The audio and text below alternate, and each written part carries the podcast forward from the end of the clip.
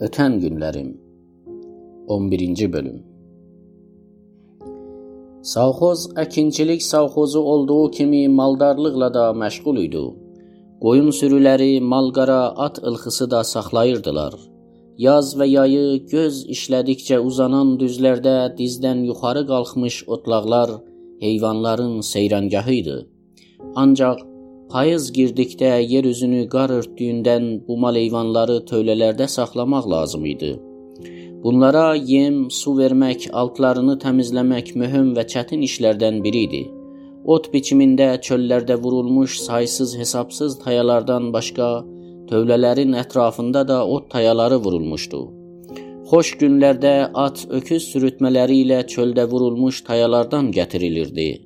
Boranlı, tufanlı havalarda isə tövlələrin ətrafındakı tayalardan istifadə olunurdu. Bizlərin, yəni Azərbaycanlıların çöl işlərinə getməyə amadəliyimiz olmadığından tövlələrdə və taxıl anbarlarında işləyirdik. Bu uçsuz, bucaqsız düzlərdə dağ-dərələr olmadığı kimi axar sular, qaynar bulaqlar da yox idi. İçdiyimiz, işlətdiyimiz qar suları idi. Yazda əriməyə başlayan qar suları anbarlara doldurub bütün ili bu sulardan istifadə olunurdu. Selektinin cənubunda böyük bir göl var idi. Yazda ətrafında əriyib gölə dolan qar sularından mal heyvanları suvarmaq üçün payızda, qışda istifadə olunurdu. Qışda bu suyun üzünü yarım metr qalınlığında buz örtərdi. Səhər gün çıxmamış bir nəfər lom külünglə don buzları sındırıb baca əndazədə suya yol açar, dolçayla su çəkib novdanlara tökər maleyvanı suvarardı. Çox vaxt bu iş məni möhtəmə qoyulardı. Koroğlu demişkən, sən ki oldun dəyirmançı, çağır gəlsin dən Koroğlu deyə hər işə boyun əyməliydim. Çünki işləməsəm dişləyə bilməzdim. Bir də ki tək özüm deyildim. Ailə məsuliyyəti qarşısındaydım. O ili bütün qışı tövlələrdə işlədim. Hər axşam işdən evə dönəndə yorğunluqdan sus düşür, bütün bədənimin sümükləri sızıldayırdı. Yerimə uzananda səhər duracağıma ümidim olmurdu. Həbibənin mehr mühəbbətlə dolu nəvazişləri, dar günün ömrü az olar deyə verdiyi dildarlığı, Tofiqin baba deyib boynuma sarılması, Heydərin mənə kömək olması qəm qüssəmi dağıdırdı. Dastancağı. Havalar getdikcə soyuyurdu. Birinci qışı savxozun köməyi ilə soğumuşduq. İkinci qışa yanacaq hazırlamaq öz öhdəmizə qoyulmuşdu. Desambr ayının 29-unda yanacağımızın son qalıqlarını gətirmək üçün Həbibə ilə birgə vaqona girdik. Hələ özümüzü Sibri mühitinə uyğun soyuqlarla qarşılaşmaq Nə isti, qalın paltarımız, nə də əlcək və keçəmiz var idi. Əlcək əvəzinə əlimizə yun corablardan keçirmişdik. Vaqonun bucaqlarında tökülüb qalmış yapma təzək qırıntılarını təlisə doldurduq. Birdən Həbibə əllərim dondu deyib ayaqlarını yerə döyüb uşaq kimi zar-zar ağlamağa başladı. Mən özümü itirmişdim. Bilmirdim Həbibəni ovdum, yoxsa qalmış təzək qırıntılarını təlisə yığım. Durmaq yeri deyildi. Təlisi doldurub dalıma atdım. Durma, tez özümüzü evə yetirək dedim. Həbibə əllərini qoltuğunda gizlədib ayaqlarının birini götürüb o birini qoyurdu. Vaqonla evimizin arası 300 metr olardı. Evə yaxınlaşanda Tofiqin ağlamaq səsi qulağımıza dəydi. Evdə tək qalıb darıxdığından qapını açıb bizim dalımızca eşiyə çıxır, örtülmüş qapını aça bilmədiyindən dehlizdə qalır. Kiçik əllərini qulaqlarına qoyaraq qulaqlarım, qulaqlarım deyə çığırır, gözlərinin yaşını sel kimi axıdırdı.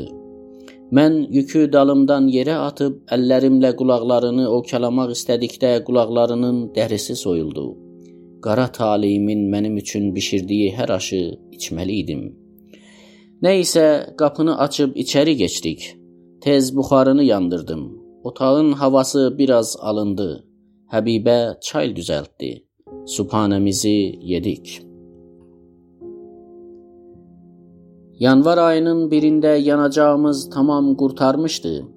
Evə qoyduğumuz su dolçası bir parça buz olmuşdu. Yorğan döşəyimiz qalın və yün olmasaydı şübhəsiz ki, hamımız donardıq. Mən yerimdən qalxıb paltarlarımı geyindim. Şöbə müdirinə müraciət edərək vəzimizi ona söylədim. Mən fəqət bu gün üçün sənə yanacaq verə bilərəm. Özün yanacaq fikrində olmalısan, dedi. Mən nə edə bilərəm sualıma o biraz fikirləşib hmm, sənə bir öküz sürütməsi verərəm Yaxınlıqda olan qolxozun adamları qamış biçib satırlar. Gedib oradan alıb gətirə bilərsən, dedi. Yanvar ayının ikisində alaqaranlıq yerimdən durub paltarlarımı geydim. Qabaqdan hazırladığım keçə çəkmələri ayağıma taxdım. Sırıqlı, qalın əlcəkləri əlimə keçirdib kürkü də çiynimə atdım. Uşaqlarla xudahafizləşib özümü tövləyə yetirdim. Sürütməyə bir öküz qoşub mənə təhvil verənə kimi dan yeri qızardı. Yaxşı yol deyə məni yola saldılar. Gedəcəyim qolxozla buranın arası 18 kilometr idi. Selektidən çıxdım. Günəşin qızıl saçaqları hər yerə yayılmağa başladı. Qarlar dənizinə baxdıqca gözlərim qamaşırdı. Sürütməyə qoşulmuş öküzün güclü həm də bu yollara bələd olmağı mənə böyük kömək idi. Heyvanat öküz ayaqlarının tapdağından düzəlmiş cığıra oxşar yol ilə hərəkət edir, bəzən ayağı cığırdan kənara düşəndə qolları təkinə kimi qara batır, tez özünü tapdanmış bərk yola çəkirdi. Qabaqda görünən savxozun 4-cü şöbəsi olduğunu bilirdim. Oradan keçib məqsədə tərəf yollanmalıydım.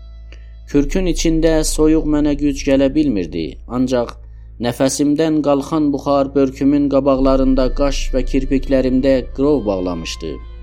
Nahara yaxın 4-cü şöbəyə çatdım. Təbid yoldaşlarımdan birinin evində düşdüm. Nahar yeyib 2 saat istirahətdən sonra yola düşdüm. Yenə də hər yerə baxsan, düzlərə çəkilmiş qalın ağ örpəkdən başqa ayrı bir şey görməzdin. Nəhayət gün batana yaxın qolxoza çatdım. Kəndə girən yerdə bir qazaq balası qabağıma çıxdı. O mənim qəmiş almağa gəldiyimi anlamış imiş. Qəmiş almaq istəsən bizdə var dedi. Mən ürəyimdə yaxşı oldu deyə sevindim. Yanılmamısan dedim. Bəli, mən qəmiş almağa gəlmişəm deyən kimi o öküzümün başını evlərinə tərəf yönəltdi. Evləri elə yol kənarındaydı. Sürütməni həyətlərinə çəkdi. Qış fəsli yem çətin ələ gəldiyindən öz öküzümə ot götürmüşdüm. Öküzü açıb tövlədə bağladıq. Su və yem verib rahatladıqdan sonra evə keçdik.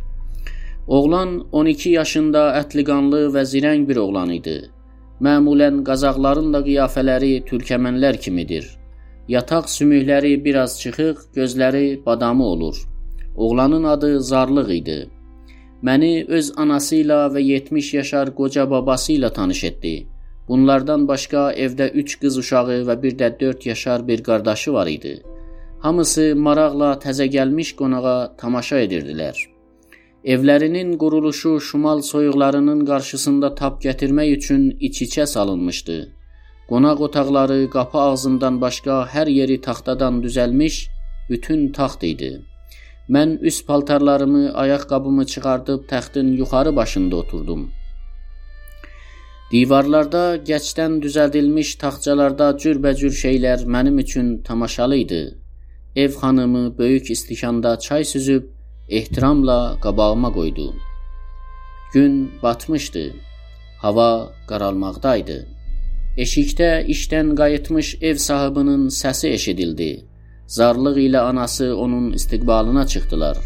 Bahəm evə dönəndə ev sahibi gülər üzlə əlimi sıxıb xoş gəldinlik etdi.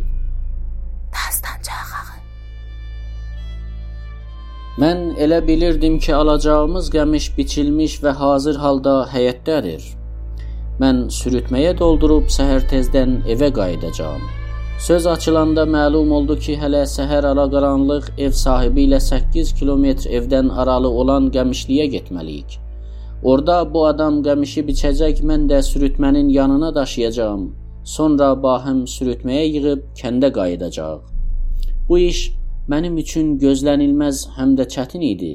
Ancaq nə edə bilərdim? Ev sahibinin təklifini qəbul etdim. Qadını şama hazırladığı ərişdə aşını qabağımıza qoydu. Şamı yeyən kimi ev sahibi "Səhər tezdən durmalıyıq. Siz də yorğunsuz, yatın. Gecəniz xeyrə qalsın." deyə öz yataq otağına getdi. Mən də uzandım.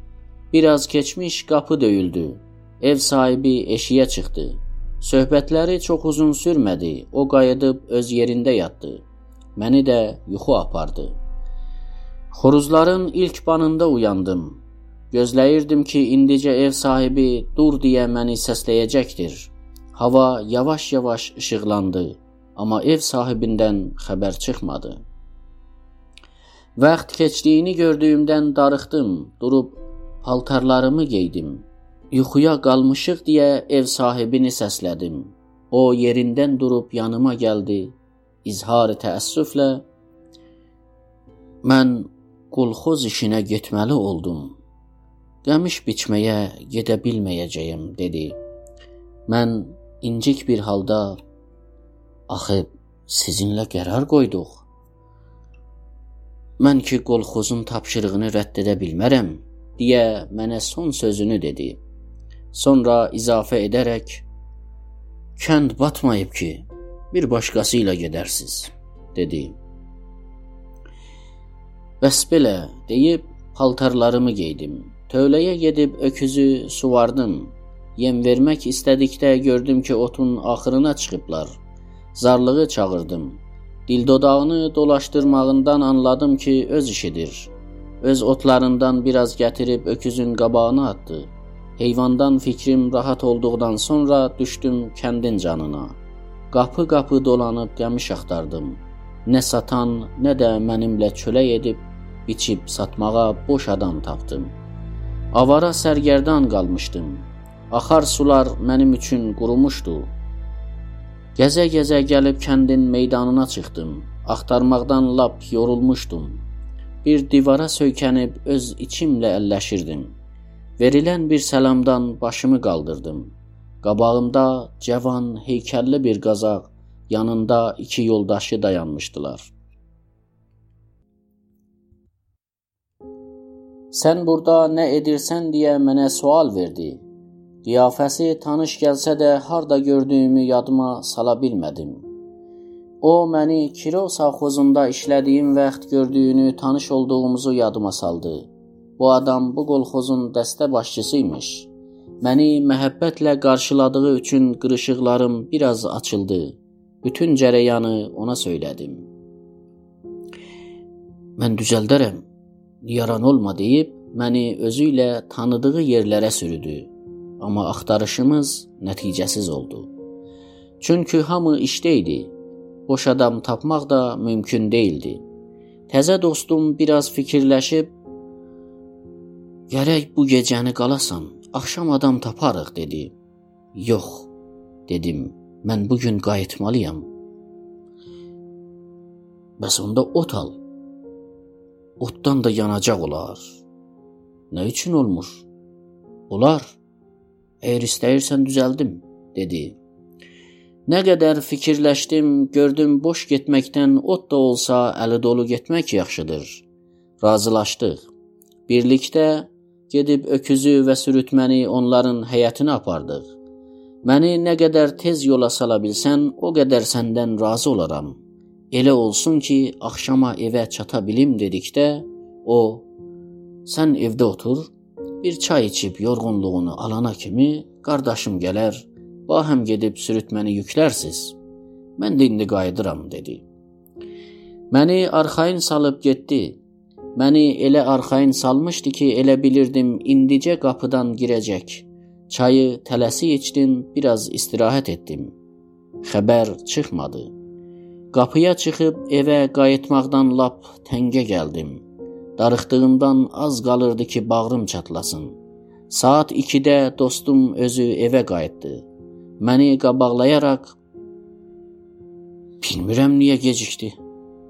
Biz nahar yeyənə kimi harda olsa tapılar gələr." Naharı yedik. Qardaş saat 4-də gəlib çıxdı. Məni ona tapşırıb özü öz işinin dalınca getdi. Qardaşı 20 yaşında uca boylu, gülərüzlü bir oğlan idi. Naharını yedi, istirahəti saat 6-ya çəkdi. Dəqiqələrim ilə dönmüşdü. Nəhayət o atını, mən də öküzümü sürütmələrə qoşub yola düşdük. Kətdən çıxanda o yolu mənə nişan verərək düz bu yolu ilə gələrsən. Tayaların yanında gözləyirəm deyib atına bir şallaq vurdu. At götürüldü. Kəndlə tayaların arası 6 kilometr idi.